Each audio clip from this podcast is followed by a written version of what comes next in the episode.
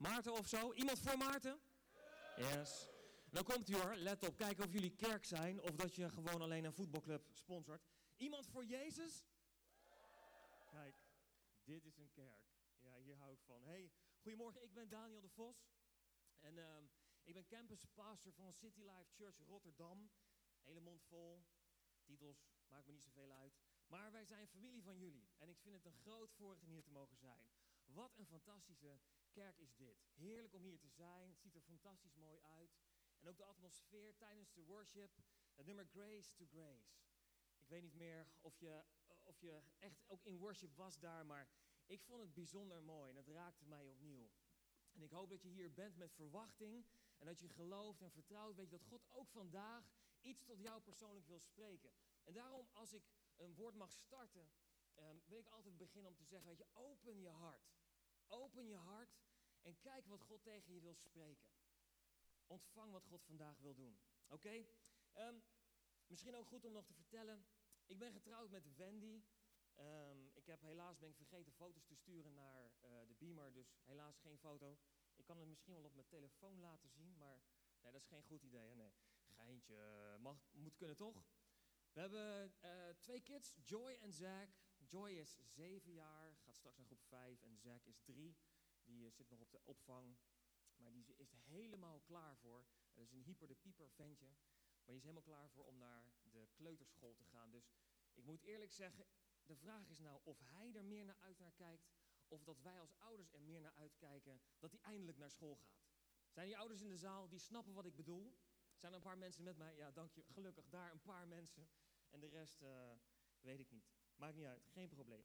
hey, um, nou, zoals je merkt, tenminste, ik hoop dat je het merkt, maar ik ben enthousiast om te spreken. Ik ben enthousiast over Jezus, ben enthousiast over de kerk.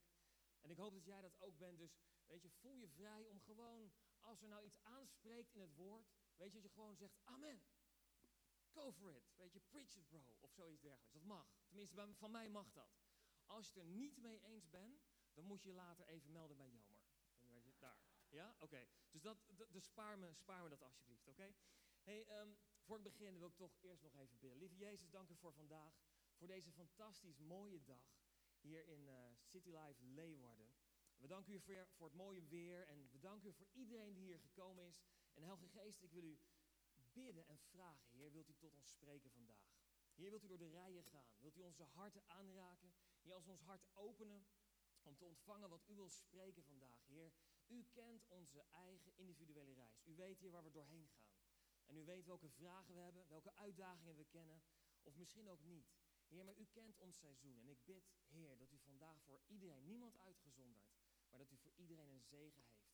Dat u iets bijzonders heeft, een openbaring, Heer, van wie u werkelijk bent. En ik bid dat iedereen naar huis zal gaan, dat we iets meer van u mogen houden. In de naam van Jezus, in Jezus' naam. En iedereen zei, Amen. I love you guys already. Hey, um, ik heb een, uh, een hele mooie um, oude computer meegenomen. Kijk, dit is hem. En um, sommigen vragen zich misschien af, is dit een computer? Dit is een computer. Sommige mensen hebben ook nog zo'n grote computer, dus no offense naar niemand. Maar um, de, tegenwoordig wordt het computer steeds kleiner. En wie van jullie heeft wel eens meegemaakt, je hoeft geen hand op te steken hoor, maar dat je computer vooral in het begin het heel goed doet. En dan na verloop van tijd, als je hem dan aanzet, even kijken of die blijft staan. Vooral na verloop van tijd, als je hem dan aanzet, dat, er dan, um, dat het wat trager gaat. Misschien ken je dat wel. Dus als je op kantoor komt en um, als het zo is, moet je maar eens met je baas gaan praten. Maar dat je eerst naar je pc gaat, je zet hem op aan en dan komt dat scherm op met dat logo. Er zeggen niemand, weet je, we spreken geen nadeel uit over elk computerbedrijf of zo, maar dat logo komt dan voorbij en dan begint het hoor. Update 2156 van 39.846. Ah, dus wij lopen naar de uh, kantine toe of naar het koffiezetapparaat. Ik weet niet hoe het bij jullie gaat op kantoor. Halen een kop koffie, praten de hele vakantie door met een collega, willen teruglopen en zien dat hij nog steeds niet klaar is. En nog een keer terug naar de, misschien nog een kop koffie halen, nog meer praatje met collega's. Nou, goed, je snapt mijn punt. Iedereen zal het wel herkennen dat je een computer koopt in het begin en dat die loopt als een zonnetje. Maar dat je zal zien dat na verloop van tijd, in sommige situaties na een half jaar, sommige situaties misschien na een paar jaar hangt vanaf hoe intensief je hem gebruikt, dat je computer trager begint te worden. Dat het niet meer zo vlekkeloos gaat. Dat hij een beetje ja, tegen begint te werken eigenlijk. En dit metafoor wil ik gebruiken om toe te passen op ons geestelijk leven. Want als je hier zit, kan het zomaar zijn, en het zou mij niks verbazen, dat veel van ons zullen herkennen. Dat we een leven hebben wat we aan Jezus gegeven hebben. We zijn enthousiast, vol vuur van, van Jezus, wat Hij gedaan heeft voor ons. En op dat moment dat je in de kerk was, op dat moment dat je nog kan terugherinneren dat je je leven aan Jezus gaf, dat was zo'n moment van opluchting. Van wauw, God is hier. Misschien heb je je laten dopen. Ik weet niet of je dat nog herkent, ik wel. Dat we laten dopen. Nou, dat was een week lang op de roze wolken. Helemaal in de zevende hemel. Jezus is bij ons, weet je wel. En hij mag voor mij nu terugkomen. En nou, vul maar in. Maar na verloop van tijd merk je dat het leven doorgaat. En dat je leven met Jezus, leven met God, misschien wel wat stroever lijkt begint te gaan. Snap je wat ik bedoel? En dat is waar ik het vandaag over met je wil hebben. Want wat gebeurt er op het moment als wij met onze computer een uitdaging hebben? Ik weet niet hoe het bij jou op je werk is georganiseerd. Sommigen gooien gelijk de computer weg. Maar de meesten die proberen hem eerst te fixen. Wat we dan doen, gaan we naar ICT toe. Zij moeten het oplossen. En in de Bijbel staat een fantastisch mooi verhaal van iemand die ook een struggle had, een uitdaging, ehm, waar die eigenlijk doorheen ging. En we lezen daar wat zij ermee deed. Want het is een zij en het gaat over het verhaal van Martha en Maria. Je kent het verhaal van Martha en Maria waarschijnlijk wel. En dat was de situatie dat Jezus die ehm, was op doorreis en die kwam bij Martha en Maria thuis. En Martha was degene die eigenlijk zorgde voor Jezus. Die zorgde voor de gasten die, die, die daar kwamen. En weet je wat ik zo mooi vind van dit, dit hele verhaal? Is dat we ons zo kunnen herkennen in Martha. Want Martha was degene die dat huis op orde bracht. Maar hoeveel van ons weten dat wij eigenlijk proberen te zijn als Martha om ons geestelijk huis op orde te maken voordat we Jezus naar binnen laten? Hoeveel van ons weten dat dat zo vaak gaat in ons leven, maar Jezus is het tegenovergestelde. Die wil juist in jouw rommel naar binnen, zodat hij je kan geven wat je nodig hebt op dat, op dat moment. En we kennen het verhaal natuurlijk dat uiteindelijk het verhaal gaat dat we zeggen, goeie Maria. Maria deed alles goed. En Martha, stoute Martha, jij snapt er niks van. Je hebt nog niet door wat Jezus bedoelde. Zo staat het in de Bijbel. En dat is hoe we dat vaak ook vertalen. Maar ik denk dat er iets is wat we heel goed kunnen leren van Maria. En als we het verhaal erbij pakken, ik heb hem heel even in het Engels. Um, en daar staat hier, Martha, my beloved Martha, zegt Jezus. Why are you upset and troubled, pulled away by all these many distractions? Are you really that important? Mary has discovered the one thing most important by choosing to sit at my feet. She is undistracted and I won't take this privilege from her. Dus hier zie je de, de openbaring die Jezus gaf aan Martha. En je moet je voorstellen wat daar gebeurd is. Jezus kwam binnen, hij ging zitten. Maria ging aan de voeten van Jezus zitten. En Martha ging aan de slag. Die van ons herkent dat misschien wel. Dat je aan de slag gaat, dat je misschien in een team dient, dat je misschien thuis dingen regelt, dat je zorgt dat de gasten goed worden ontvangen. En dan is dat moment dat het een beetje te veel wordt. Dat het niet helemaal gaat zoals je zou willen. Dat het uh, niet snel genoeg gaat. Dat je computer wat begint trager te werken, wat trager gaat lopen. En je bent bezig voor Jezus, maar je merkt dat er tegenstand is. Je vindt eigenlijk dat andere mensen je zouden moeten helpen. Je vindt eigenlijk dat Jezus iets zou moeten doen op dat moment. Nou, we zien hier dat wat er gebeurde. Martha was bezig in de keuken en ik schets zo, weet je, hoe dat zou kunnen gegaan zijn.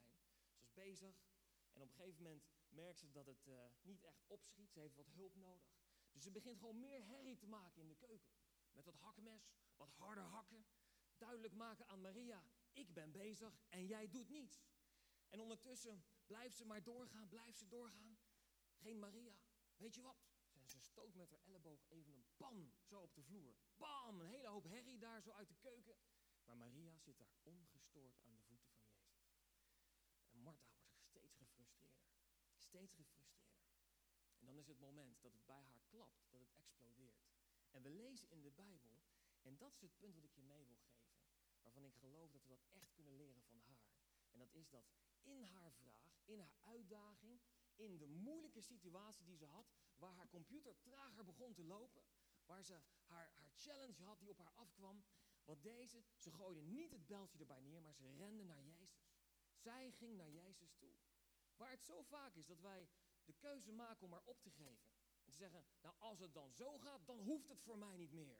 Misschien herken je dat wel bij jezelf of bij iemand in je omgeving. Maar het is een heel gebruikelijke, eigenlijk niet eens een rare oplossing. Maar weet je wat het is? Je vlucht weg van wat nou het echte issue is. En wat Martha nou zo goed deed. Zij liep naar Jezus toe. En zij gooide haar frustratie eruit. Aan de voeten van Jezus. Wat zei Jezus? En jullie houden weten wat Jezus zei. Jezus zei, Martha, lieve Martha. En daar kwam het antwoord wat zij nodig had op dat moment in die situatie. En als we de Passion Translation erbij pakken, dan lezen we dat Maria aan de voeten van Jezus zat. En dat ze de ene na de andere openbaring indronk. Zo staat het in die vertaling. Nou, dat is wel bijzonder. Ik bedoel, wie dat niet zou willen. Ik, ik bedoel, aan de voeten van Jezus. De ene na de andere. Wauw, dank u Jezus. Wauw, zo goed dat u dit zegt. oh, eye-opener 1, eye-opener 2. En achter elkaar. Maar geen van die openbaringen die Maria ontving, staan in de Bijbel genoteerd. En de openbaring die Martha kreeg, die staat wel genoteerd. En haar openbaring was natuurlijk dat het veel meer gaat over het zijn dan over het doen. Maar de bemoediging die ik wil meegeven, dat is mijn eerste punt voor vandaag. Heb je een probleem of uitdaging? Ren altijd naar Jezus voor antwoorden. Altijd naar Hem rennen. Geef niet op. Loop niet de andere kant op. Maar ga naar Hem toe. En je zal zien dat hoe boos of hoe gefrustreerd je ook was. Want Martha was daar een partijtje boos en gefrustreerd. Jezus werd niet boos. Hij zei niet, ik ben de zoon van God. En jij mag, moet je mond houden. Jij moet anders praten, moet zachter, beetje eerbied, beetje... Nee, nee, nee, nee. Hij zei, Martha, lieve Martha. En toen gaf hij de openbaring die ze nodig had. En ik hoop dat je dit ook doet op het moment als jouw levenscomputer wat trager wordt. Uitdaging, issues, ren naar Jezus. En weet je, als we dan verder kijken, dan is het heel belangrijk om te kijken naar um, zo'n computer heeft op een gegeven moment misschien ook wel een update nodig. Een update. En dan heb je een oud besturingssysteem. En op een gegeven moment gaat het trager en trager werken. En er moeten allemaal updates bij komen. En op een gegeven moment zegt zo'n fabrikant, die zegt nee, we gaan een nieuw besturingssysteem introduceren. En dat zijn dus de, de updates van Windows 3.11. Nog mensen uit de tijd van Windows 3.11, vast wel. Windows 2000 en daarna kwam uh, Windows, uh, weet ik veel, 2003 of zo volgens mij. Ik weet, en uh, Windows 7 en nou ga maar door. Maar weet je, ik denk dat je dit kan vergelijken met het moment dat als wij in ons leven zijn, dat we de Heilige Geest en God uitnodigen in ons leven. En wat er dan gebeurt, is dat er een download van God komt in ons leven. Dus je bent met je trage levenscomputer, je rent naar Jezus toe, je zegt, ik heb u nodig in mijn leven. Dan zegt Jezus, top, let's go for this. En er komt een download van God in jouw leven, maar we weten allemaal dat die nog niet gelijk geactiveerd is. Als je een download op de computer hebt. En veel van ons, lieve mensen, die leven nog steeds um, met een misschien wel redelijk nieuwe computer. Maar die leven nog met een oud besturingssysteem. Met Windows 3.11 of zo, voor degenen die dat nog kennen. Super traag, vet oud. In die tijd was het fantastisch, maar dat is alweer een jaar of twintig geleden of zo. Zo oud ben ik ook. Klopt, ik ben vet oud. Maar dat valt mee. Maar ik heb wel scheur in mijn broek. Mag dat hier? Ja, is dat, uh, ja? Ja, oké. Maar het gaat over de download van God in jouw leven. En de download die, die zit in jou. Maar de Bijbel leert ons, en die is zo ontzettend belangrijk om, om te zien, is dat, we, um, dat er een health check is die we kunnen toepassen. Weet je, de Heilige Geest gaat nou met jou aan de slag. En het resultaat is daarvan, en dat vinden in de Bijbel waar staat dat door de Geest ontstaan liefde, blijdschap, vrede, geduld, vriendelijkheid, goedheid, geloof, hulpvaardigheid, zelfbeheersing. Het gaat nu niet zo per se om deze tekst, maar het is wel een check die je kan toepassen op jezelf van hé, hey, is God in mij aan het werk? Is het zo dat dit aan het ontstaan is? En als dat niet zo is, dan zou je voor jezelf kunnen kijken, ben ik vanuit de goede bron aan het tappen? Ben ik vanuit de goede bron aan het tappen? Want terwijl Gods geest in mij is, kan het nog steeds zijn dat ik vanuit de oude natuur aan het tappen ben. En het is belangrijk, lieve mensen, om die shift te gaan maken. Om te zorgen dat God jouw definitieve bron is van binnenuit. Dat wat de Heilige Geest in jou gelegd heeft, dat Hij in jou spreekt, om daarnaar te luisteren. Heel vaak is het zo dat we onze redenatie nog vanuit ons oude, ja, denken, gewoon toepassen. En dat is niet gek, want we zijn opgevoed in een niet perfecte wereld, in een wereldsysteem. Maar de Heilige Geest wil met jou aan de slag. En het is voor ons belangrijk om deze shift te maken. En we vinden dat terug in Filippenzen, waarbij we lezen dat deze omslag ontzettend belangrijk is. Filippenzen 4, vers 6 tot 9 gaat het verhaal over, maak nergens zorgen over, bid voor alles en vraag God wat u nodig heeft, dankbaar voor alles wat hij doet. En dan zult u de vrede van God ervaren. Nou, fantastisch mooie tekst, toch? En deze tekst geven we heel vaak mee als bemoediging aan mensen. Zeggen van, hé, hey, heb je een issue, heb je een probleem? Weet je, voel je druk, gestrest, wat dan ook? Lees deze tekst, geef het aan God en de vrede van God zal in jou komen. Maar die vrede die lijkt op een of andere manier niet te blijven. Misschien herken je dat wel. Je zegt, ja, maar ik heb, gisteren had ik vrede, maar ik, ben nu weer een dag verder en nog steeds. Eh, belangrijk om de tekst altijd in de context te lezen van het hele verhaal. Want de tekst gaat namelijk verder in, in, in hetzelfde hoofdstuk in vers 8, waar staat: Broeders en zusters, richt daarom, anders gezegd, ehm, de vorige tekst is stap 1 en nu gaan we naar stap 2. In het Engels wordt hier gesproken over en. Dus er zit een koppeling tussen de eerste keer die vrede ervaren van God en daarna te gaan voor continu vrede in ons leven. En dan lezen we de tekst verder waar staat: Richt daarom uw gedachten op alles wat waar, eervol, rechtvaardig, zuiver en mooi is. En wat goed bekend staat. Kortom, alles wat deugdzaam is en loffelijk is. Breng dat niet alleen in praktijk, wat u van mij heeft geleerd, maar ook wat u van mij gehoord en gezien heeft. Dan zal de God van de vrede met u zijn. Was een snelle, hè? Ik ga hem niet overdoen. Het gaat mij erom, om die stap 2. Waarbij het belangrijk is dat we gaan leren dat we een shift moeten maken. Dat we niet vanuit ons eigen oude natuur leven, terwijl de Heilige Geest al in ons is, oud, nieuw, maar dat we gaan kiezen om het nieuwe van de Heilige Geest meer ruimte te geven, meer toegang in ons leven. En dat we door Zijn ogen gaan leren kijken naar ons, naar onze omgeving, naar de toekomst die God voor ons heeft. Dat is mijn tweede punt. Waarbij we, stond je op het scherm, download, wat is je bron? En maak deze shift. Super belangrijk. hey, en dan gaan we verder kijken, want dan heb je misschien die keuze gemaakt. En je hebt gezegd, oké, ga ik doen, boom. Ik ga die Windows 3.11 gooi ik eraf. Ik neem de allernieuwste versie, Windows 7 of wat dan ook, wat het ook mag zijn. En we gaan weer lekker. We gaan weer lekker. Het gaat iets beter. En toch zal je merken dat na verloop van tijd het zomaar kan zijn dat nog steeds jouw computer wat trager gaat lopen. Dat je nog steeds wat issues hebt. Dat er bugs zijn in het systeem. En ik neem al dat je begrijpt welke kant dit opgaat.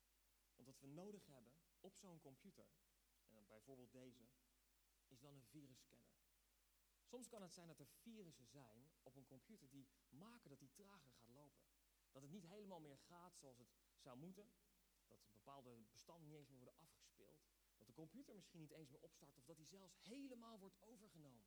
Misschien heb je dat wel eens gehad, zo'n virus waarbij je zo'n scherm krijgt van uh, gehackt. En dan moet je een paar duizend euro betalen, dan halen we dat hacken eraf.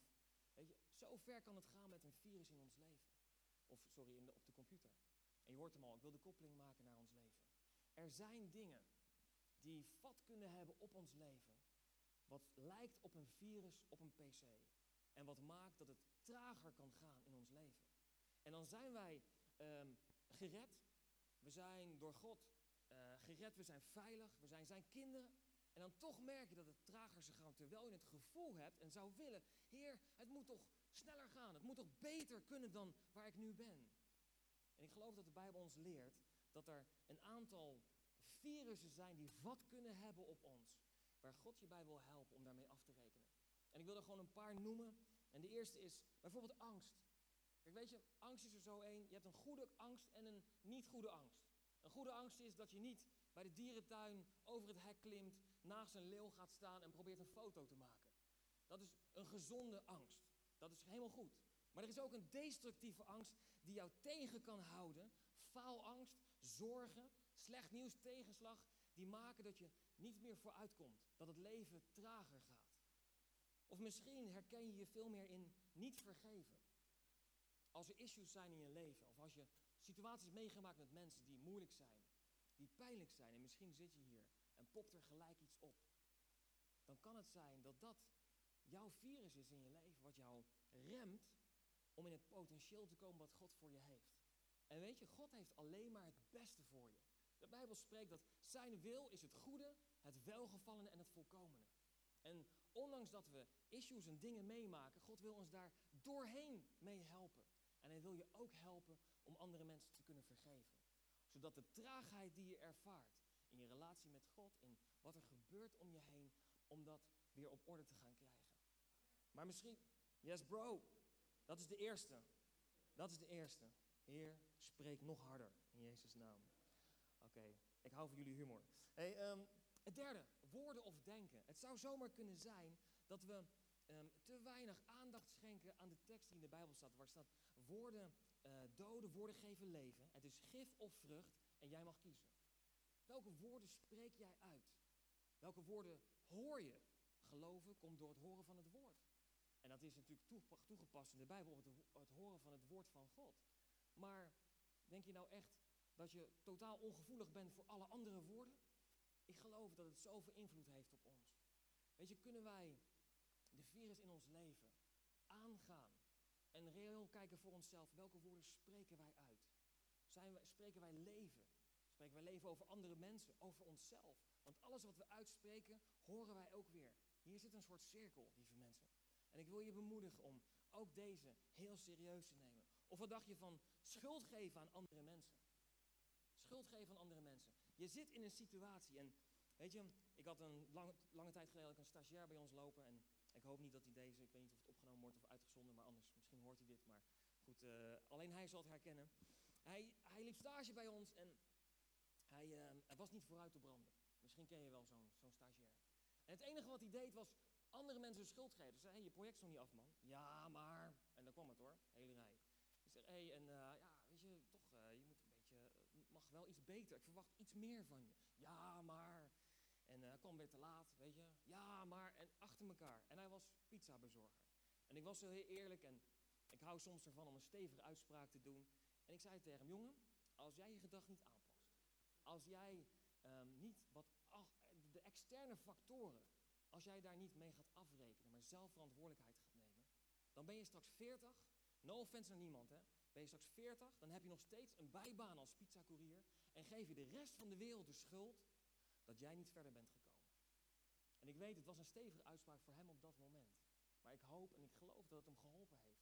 Omdat het hem even een shift gaf van, oh, wat? Weet je, dit alles waar ik het over heb, de keuze ligt in jouw handen. En ik hoop voor je dat je niet de teleurstelling door andere situaties vat laat hebben op jouw situatie. Dat je de pijn die andere mensen dragen voor dingen die ze hebben meegemaakt, jouw pijn laat worden. Waardoor jij in een remsituatie komt. En dat je rustiger aan gaat doen. Dat je afgeremd wordt. En dat het plan en het potentieel wat God voor je leven heeft, dat je daar zo, um, uh, dat je daar eigenlijk uit gaat stappen. Of dat het gaat vertragen. Weet je, geloof dat uh, de volgende daarop aansluit, teleurstelling. Teleurstelling. Dat is de laatste virus die ik wil noemen voor vandaag. Kan het zijn dat er teleurstelling in je leven is gekomen door dingen die je anders had gehoopt, anders had gezien. Maar die nu bepalen dat de snelheid die je eerder ervaarde, en weet je, het fijne gevoel wat je had met God, en hoe het, hoe, hoe hoe, hoe het beginsituatie ging, dat dat is afgenomen. Ik heb hier genoteerd dat teleurstelling zet je verwachting op het niveau van je ervaringen. Teleurstellingen zet je verwachtingen op het niveau van je ervaringen. En dat, dat blokkeert je. Waardoor je dus, waar je eerst veel hoopte en veel geloof had, een teleurstelling maakt eigenlijk een niveau naar beneden. En nog meer naar beneden. En we weten allemaal, en ik hoop dat je het herkent, dat dit een tactiek is van de vijand. Om jou zoveel mogelijk teleurgesteld te laten lijken, of te, te zijn. Zodat je zo min mogelijk gaat doen. Want weet je, de vijand, laten we eerlijk daarover zijn. De duivel is erop uit om te zorgen dat we allemaal lekker niet actieve christenen zijn. Gewoon de hele week niks. Bijbel lezen moet jij weten, joh. Maar verder helemaal niets ermee doen. Ik geloof dat God ons geroepen heeft om een leven te leiden van een christen, van een gelovige, die in volle autoriteit, vol van de geest, in kracht staat. Weet je, en dat betekent niet dat je gelijk op een kistje moet staan elke zaterdag en folders moet uitdelen. Nee, het gaat erom te gaan doen waarvoor jij geroepen bent. Het gaat erom om te gaan doen waarvoor jij geroepen bent. Weet je, dan gaan we naar het laatste punt. Dus dat install en deblokkeer de update. Het is zo belangrijk dat als het gaat over zo'n virusscanner, die moet ook gedownload worden. En hoeveel van ons weet dat als je zo'n telefoon hebt, en ik heb hem nu even niet bij me, maar als je hem, eh, als je hem hebt en er is een download en hij is nog niet geïnstalleerd, staat er zo'n eentje bij. Tenminste, bij de iPhone is dat. Ik weet niet of dat bij een uh, Samsung ook zo is, maar je snapt wat ik bedoel. Er staat eigenlijk een download, die is klaar en die staat te wachten om geïnstalleerd te worden. Maar het is belangrijk om ook echt dat te gaan installeren. En ik geloof, weet je, dat heel veel van ons de Heilige Geest al in ons leven hebben. Dat Jezus al in ons leven is. Maar bij sommigen van ons moet Jezus nog even wakker gemaakt worden. En zeggen, is dat Bijbels Daan? Waar staat dat?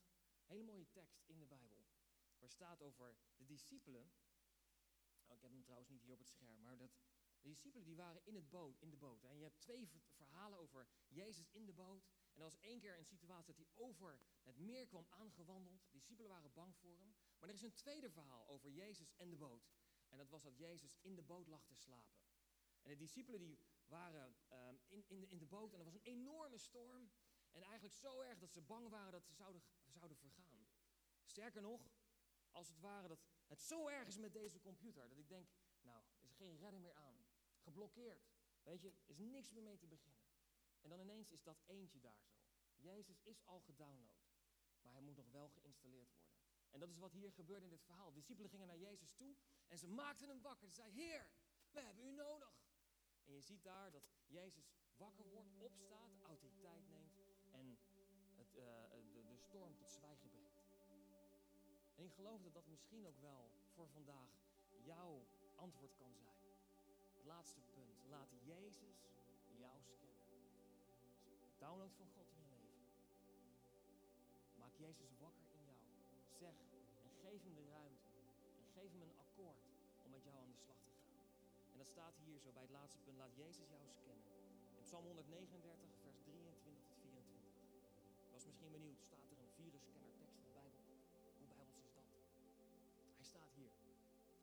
Voor. God, ik wil dat u alles van me weet. Kijk in mijn hart. Onderzoek mijn gedachten. In Oud-Nederland staat hier, zoek of er een helloze weg is. In deze vertaling staat, zeg het me als ik iets verkeerds doe. En help me om weer te leven zoals u het wil. Deze tekst over een helloze weg wordt heel vaak toegepast over zonde in ons leven. Of er iets is wat uiteindelijk nergens naartoe gaat. En omdat ik geloof dat het waar is, geloof ik ook dat we deze tekst in een breder perspectief. Zijn er virussen in jouw leven? Zijn er teleurstellingen? Is er pijn? Is er angst? Zijn er is er negativiteit? Of vul maar in. Wat voor virus draag jij mee in je leven? Wat maakt dat jouw levenscomputer trager is gaan lopen? En ik geloof dat dat een vraag is voor ons allemaal. Die je met je mee mag nemen. En de vraag is wanneer was jouw laatste update met Jezus? Sommigen van ons zijn zo teleurgesteld zelfs de update van God niet meer willen activeren. Dat we bang zijn voor wat daar gebeurt. Dat we bang zijn voor wat er misschien uitkomt. Dat we afstand hebben genomen van omstandigheden en situaties. Dus ik wil je bemoedigen. Is jouw levenscomputer trager geworden? Als eerste ren naar Jezus. Ontvang de openbaring die jij nodig hebt. Als tweede laat de Heilige Geest toe in jouw leven. Maak Hem de bron in jouw leven. Ga door Zijn bril kijken.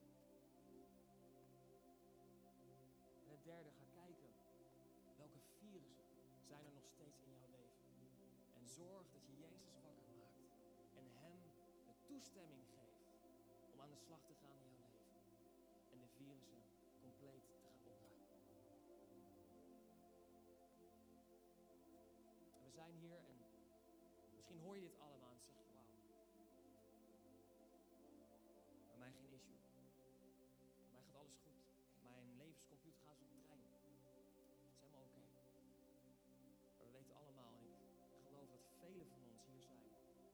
misschien was dit niet de reden dat je gekomen bent deze zondagmorgen.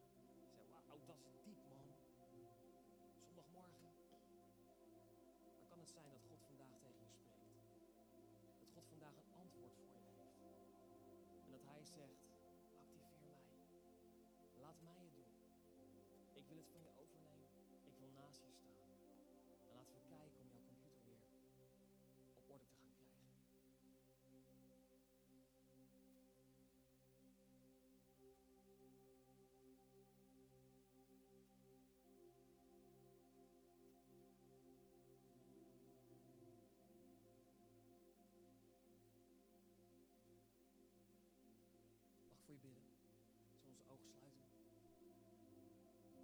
Jezus, dank u voor vandaag, Heer. Dank u, Heer, voor iedereen die hier is. En niemand uitgezonderd, Heer. Iedereen is hier met een reden. U heeft iedereen die hier is op het oog. Niemand is hier toevallig. U heeft iedereen hier gebracht die dit woord moesten horen. Misschien ben je hier voor het eerste keer. Misschien ben je hier al vanaf het begin van, begin van deze kerk. Als jij dat bent en je zegt, ja, ik merk dat mijn levenscomputer wat vertraagd is, wil ik heel graag voor je bidden op dit moment. Lieve Jezus, dank u voor iedereen die is, die het gehoord heeft. En ik spreek de autoriteit van Jezus uit over je leven. Heilige Geest, ik bid Heer dat u onze harten raakt in de naam van Jezus. En dat u tot iedereen persoonlijk spreekt. En Heer, dat u ons aanwijst waar wij misschien vertraagd zijn in ons leven. En specifiek wil ik aanspreken degenen die teleurgesteld zijn geraakt. Degenen die door teleurstelling een stap terug hebben gedaan in hun leven met u. Degenen die door teleurstelling af zijn gehaakt. Die misschien juist niet zoals Martha naar Jezus gingen, maar de andere kant op zijn gerend. Heer, ik wil u uitspreken in de naam van Jezus. Heer, dat u ons aanraakt. En we willen Jezus in jou aanspreken. Als je wil, mag je je hand op je hart leggen. En dan mag je voor jezelf, gewoon in jezelf, mag je Jezus uitnodigen opnieuw. En zeggen, Heer, wilt u in mijn leven zijn? Op dit moment wil ik u wakker maken. En wilt u aan de slag gaan in mijn leven? Wilt u pijn, verdriet, issues, wat er ook gebeurd is, wilt u het wegnemen in de naam van Jezus? Wilt u daarmee aan de slag gaan? En de Heilige Geest, ik bid Heer dat u op dit moment waait door deze zaal. Dat u onze harten aanraakt, Heer. En dat u laat zien hoe u werkelijk naar ons kijkt. Dat u van ons houdt. Dat u werkelijk alles gegeven heeft om ons hart te veroveren. Dat u werkelijk alles gegeven heeft om ons hart te veroveren. En Heer, op dit moment bid ik, Heer, dat u ons hart verovert. Ik spreek je aan als je hier zit om Jezus jouw hart te laten veroveren. En te ontvangen de liefde van Jezus. Te ontvangen de liefde van Jezus. Hij houdt van je. Alles gegeven. En hij wil je niet alles alleen laten doen, maar wil naast je staan. Elke geest wilt u hier zijn met uw aanwezigheid, met uw sterke, sterke aanwezigheid. In de naam van Jezus. In Jezus' naam.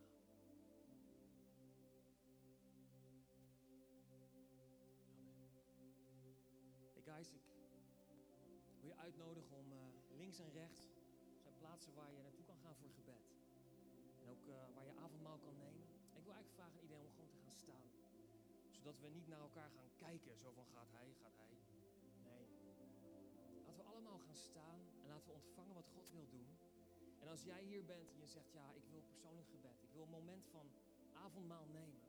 Dan mag dat. En dan mag je naar de zijkanten gaan. Links en rechts. Achterin ook geloof ik. Links achterin. Rechts achterin. En ik wil je uitnodigen om dat te doen. Om dit moment niet voorbij te laten gaan. Echt je momenten nemen met Jezus. En zeggen, Heer, wilt u in mijn leven zijn? En voordat we dat doen, wil ik nog één oproep doen. Zullen we onze ogen sluiten voor één moment nog? Als jij hier bent en je hebt nog nooit eerder een keuze gemaakt voor Jezus. Of je bent hier en je zegt, ja, ik heb wel een keuze gemaakt voor Jezus, maar ik weet dat ik op dit moment, dat het niet in orde is tussen mij en God. En je zou eigenlijk een nieuwe keuze moeten maken. Als jij hier bent en je zegt, ja, dat ben ik. Dan wil ik je vragen om iets heel moedigs te doen. God is hier. Al onze ogen zijn gesloten. Maar ik wil je vragen om iets heel moedigs te doen. En op dit moment, als jij dat bent, voor de eerste keer, de tweede keer, misschien de honderdste keer. Om terug te komen bij Jezus. Het goed te maken met Hem. En Hem nummer één te maken in je leven. Als jij dat bent, wil ik je vragen om iets heel moedigs te doen. En heel kort je hand op te steken. Niet naar mij toe, maar als teken naar God. En te zeggen, ja Heer, ik heb U in mijn leven nodig. Ik wil U op nummer één zetten. Dankjewel, ik zie zaal gaan handen omhoog. Dankjewel, dankjewel, ik zie je hand. Dankjewel, ik zie je hand. God is zo sterk, dankjewel, ik zie je hand. God is zo sterk aanwezig hier. Laat dit moment niet voorbij gaan. Maar maak een keuze voor Hem. En zet Hem op nummer 1 in je leven. Als jij daarbij wil zijn, steek nog je hand omhoog. En zeg ja, Jezus. Bij u horen. Dankjewel. Zo fantastisch. En ik wil je vragen om een gebed na te bidden. En ik wil vragen aan iedereen in heel de zaal om dit gebed met mij na te bidden. En niet omdat jij dat opnieuw moet uitspreken, als bemoediging voor degene die links en rechts naast jou die keuze gemaakt heeft. Dus ik wil je vragen om mij na te bidden in het gebed naar Jezus toe. Laten we bidden. Lieve Jezus, zullen we allemaal bidden hardop als bemoediging voor iedereen. Guys, come on. Laten we bidden. Lieve Jezus, dank u voor vandaag. Op dit moment geef ik mijn leven aan u. Ik heb u nodig. Wilt u mij vergeven wat ik verkeerd heb gedaan? En wilt u mij leiden in dit nieuwe leven? Vanaf vandaag bent u mijn leider, u mijn redder en mijn beste vriend. In Jezus' naam. En iedereen zei, amen. Zo fantastisch. We een applaus geven voor iedereen die een keuze heeft gemaakt. Ik geloof dat zeker bijna tien mensen een keuze gemaakt hebben en hun hand hebben opgestoken om het in orde te maken met God. Ik ben super trots op je. En ik kijk toch heel even naar voren. Gaan we nu een worshipnummer doen? En terwijl dit worshipnummer is de gelegenheid er om links en rechts naar voren te gaan voor persoonlijk gebed of voor avondmaal. Dus ik wil het worshipteam vragen. Leid ons in een moment van, van aanbidding. En laten we ons richten op Jezus. We ontvangen